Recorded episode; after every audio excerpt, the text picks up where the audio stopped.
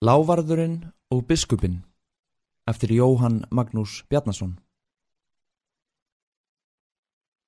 Einu sinni var lávarður sem dansaði af svo mikill list strax á esku árum að engin maður í öllu landinu þótti jafningi hans í þeirri íþrótt.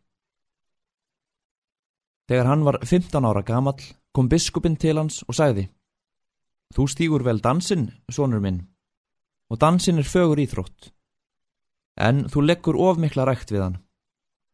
Á þínum aldri sitja aðalsmanna sínir á skólabekk og stunda námið af kappi.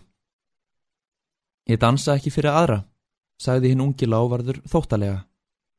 Ég dansa fyrir sjálfan mig og ég dansa mér til skemmtunar og helsubótar. Okkur leiðist öll fánýtt skemmtun að lokum, sagði biskupin og gekk í burtur hyggur. En lávarðurinn hjælt áfram að dansa og nú liðu sex ár. Þá kom biskupin til lávarðarins á ný og sagði Þá ertu komin á lögaldur ungi herra og nú ættir þú að hugsa um fjárhægðinn og heiður ættarþinnar en þú stýfur ennþá dansin af ofur kappi og hugsar ekkert um annað. Ég dansa ekki fyrir ætt mína, sagði lávarðurinn drildin mjög. Ég dansa fyrir sjálfan mig og ég dansa til þess að svæfa harma mína á raunir. Raunir hins unga hraustamanns hverfa jafnan sjálfkrafa eins og vordögg fyrir sólu, því að þær eru oftast ímyndaðar að mestu, saði biskupin með raunarsvip og kvatti um leið.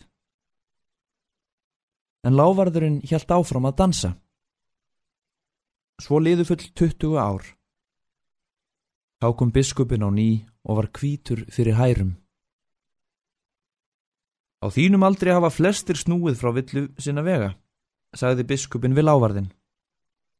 Og á þeim aldrei hugsa allir aðalsmenn engungu um hell og framfarir ættjarðar sinnar. En þú stýgur dansinn án aflátt spæði daga á nætur.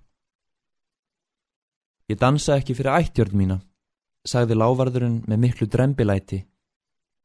Ég dansa fyrir sjálfan mig og ég dansa til þess að gleima æsku syndu mínum og yfirsjónum.